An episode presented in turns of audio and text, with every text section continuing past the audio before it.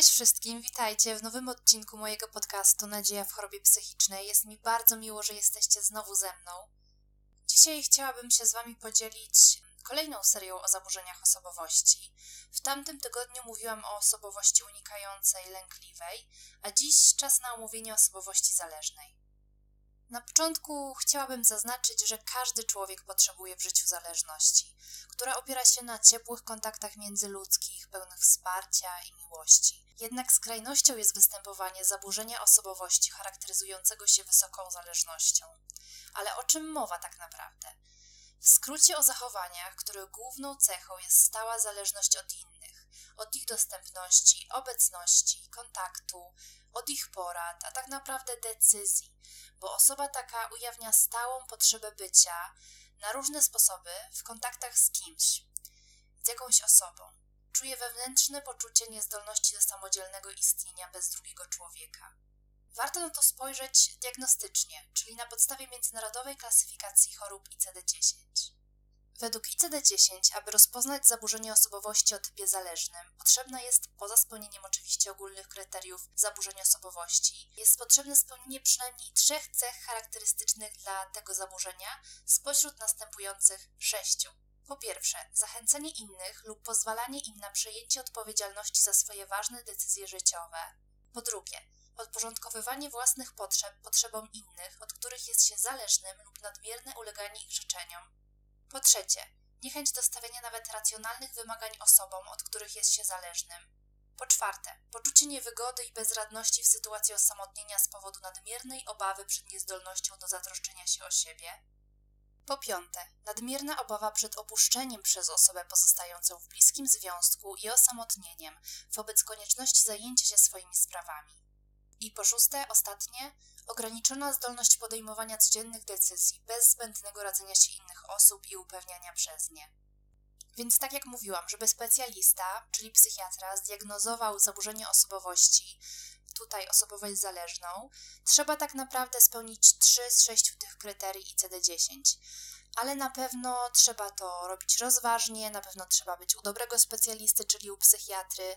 I na pewno nie powinno to wyglądać tak, że po wysłuchaniu tego odcinka macie już swoją diagnozę, swojego zaburzenia osobowości, bo nie jest to wcale proste, żeby odróżnić pewnego rodzaju normę, kiedy ktoś jest osobą po prostu o wyższych skłonnościach do zależności, od tak zwanej patologii, czyli od zaburzenia. Więc myślę, że tutaj trzeba z ogromną rozwagą i ostrożnością do tego podchodzić. Mamy zaburzenie osobowości, ale też według Milona y, są różnego rodzaju podtypy, czyli tak zwane podkategorie. Pierwszą z nich jest zależna niedojrzała. I tutaj mamy taką prostoduszną, dziecinną osobowość, która nie jest do końca rozwinięta w obszarze emocji, niedoświadczona, łatwowierna, niezdolna do podjęcia obowiązków dorosłego człowieka. Następny podtyp to zależna nieefektywna, i tutaj mamy bezproduktywność, trudność w osiąganiu czegokolwiek, niekompetencja, niewyróżnianie się, szukaniu takiego spokoju w życiu, nawet nadmiernego, odmawianie radzenia sobie z trudnościami, nieprzejmowanie się brakami, które się w sobie ma, Tutaj e, wyraźne są też właśnie cechy osobowości schizoidalnej, jeżeli chodzi o podtyp e, zależna nieefektywna. Kolejnym podtypem jest zależna usłużna i tutaj mamy takie cechy jak uprzejmość, życzliwość, pełna dobrej woli jest taka osoba, jest zgodna, uczynna, sympatyczna, ale w tym wszystkim zaprzecza niepokojącym uczuciom i chętnie podporządkowuje się innym. Kolejny podtyp to zależna zaniepokojona. I tutaj mamy taką osobę, która nigdy nie osiąga spokoju, wiecznie czymś się niepokoi i zadręcza, jest pełna obaw, złych przeczuć, szczególnie boi się porzucenia. Czuje się po prostu osamotniona, jeżeli obok nie ma dorosłej, wspierającej osoby. Czyli wyróżniłam tutaj cztery podtypy: zależna niedojrzała, zależna nieefektywna, zależna usłużna i zależna zaniepokojona. Myślę, że warto jednak zwrócić uwagę, że to nie jest jednoznaczny podział i nie oznacza to, że dana osoba z zaburzeniem osobowości zależnej należy do danego podtypu tylko i wyłącznie, bo może być tak, że trudno jest określić ten podtyp danej osoby lub widać pewnego rodzaju zbieżność różnych podtypów. Niezwykle ważne jest rozróżnianie osoby, która ma zaburzenie osobowości zależnej, od osoby z cechami zależnymi ponieważ jeżeli tego prawidłowo nie rozpoznamy, to może dojść do po prostu krzywdy, ponieważ ta osoba zostanie rozpoznana z zaburzeniem e, osobowości, kiedy tak naprawdę po prostu jest osobą, która ma może wyżej niż przeciętna osoba e, te cechy zależne. Więc tutaj trzeba patrzeć na pewnego rodzaju niuanse, dostrzegać szczegóły. Na przykład to, że osoba z osobowością zależną w pewien sposób pozwala, aby inni przejęli odpowiedzialność za ich życie, a Osoba o cechach zależnych lubi po prostu towarzystwo innych osób, ich wsparcie, ale w tym wszystkim jest w stanie podejmować samodzielne decyzje. Jeszcze inaczej można spojrzeć, że osoba z osobowością zależną, czyli z zaburzeniem, pragnie opieki do tego stopnia, że gotowa jest podjąć się nieprzyjemnych dla siebie zadań, aby mieć pewność, że bliscy są przy niej a osoba o cechach zależnych po prostu woli żyć w zgodzie z innymi, ale potrafi wyrazić swoje zdanie i oczekiwania wobec innych. Osoba o zależnej strukturze osobowości, czyli jeżeli chodzi właśnie o zaburzenie, nie jest w stanie wyrazić swoich pragnień, oczekiwań czy sprzeciwić się bliskiej osobie. Po prostu się boi, że nie poradzi sobie, że zostanie sama. A osoba o cechach zależnych cieszy się, gdy otoczenie troszczy się o nią, ale nie przeraża jej myśl o opuszczeniu przez kogoś. I to jest bardzo w takim kontraście do osoby o zaburzonym typie osobowości, którą niepokoi nawet wyobrażenie sobie, że może zostać porzucona.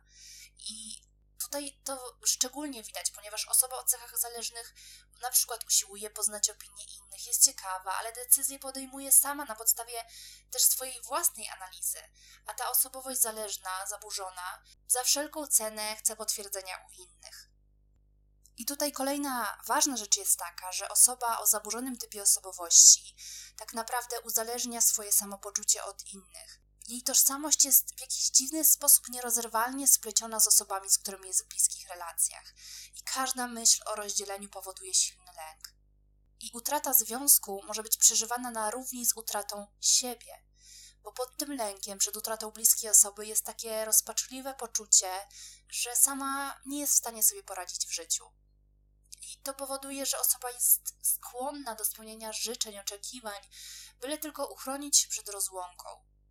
Trudno jest po prostu wyrazić takiej osobie swoje emocje, bo to mogłoby zakłócić, źle wpłynąć na relacje i unika kłótni, czasami przemilczy pewne rzeczy i pierwsza na przykład wyciąga rękę na zgodę, nawet jeżeli to nie jest adekwatne. Po prostu ciągle poszukuje akceptacji i aprobaty. I kiedy taka relacja jest zagrożona, to osoba staje się jeszcze bardziej uległa. I ta troskliwość zamienia się często w ograniczenie swobody drugiej osoby. Niestety czasem jest tak, że inni wykorzystują to i ograniczają swobodę drugiej osoby, i zaczyna to po prostu być niekorzystne i szkodliwe dla obydwu stron. To, co też ciekawe, to osoba o osobowości zależnej w pewien sposób nie może sobie poradzić z niezależnością. To jest dla niej po prostu coś całkowicie niewyobrażalnego, niebezpiecznego, bo w jakiś sposób może to prowadzić do utraty jakiejś osoby, wsparcia jej, jej opieki. I to się mm, objawia tak, że osoba o zaburzonym typie osobowości broni się przed uzyskiwaniem e, pewnego rodzaju autonomii w życiu, w obowiązkach zawodowych nieświadomie tak jakby ogranicza siebie i pozwala innym kierować swoim życiem. Trudno takiej osobie po prostu podjąć rolę żony, męża, partnera i szukają w tej osobie kolejnego opiekuna, tak jak rodzic na przykład, który będzie brał odpowiedzialność za ich życie. Także to jest trudne, ponieważ bardzo trudno jest takiej osobie przejąć we właściwy sposób postawę osoby dorosłej. To, co może się pojawić u osób z zależną strukturą osobowości, to ataki paniki, depresja, może dojść nawet do rozwoju zaburzeń lękowych lub objawów somatycznych. Zastanawiać Was może kwestia, jak powstaje tego rodzaju zaburzenie. Tutaj rolę grają różne czynniki, przykład natury biologicznej, czyli te biologiczne uwarunkowania. Znaczną rolę mogą też grać uwarunkowania środowiskowe osoby, czyli szczególnie otoczenie, które na przykład systematycznie utrwalało zależność w dziecku we wszystkich okresach rozwoju, nadmierna troskliwość, nadopiekuńczość, zaspokajanie wszelkich potrzeb i aktywne zniechęcanie dziecka do samodzielności.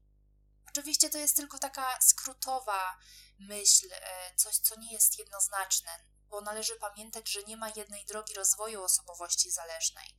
W każdym przypadku rozważyć trzeba indywidualną historię danej osoby, jej cechy wrodzone, charakterystykę rodziny, z której pochodzi i wzajemne relacje między członkami rodziny. Na koniec zatrzymajmy się przy możliwościach leczenia zaburzenia osobowości zależnej.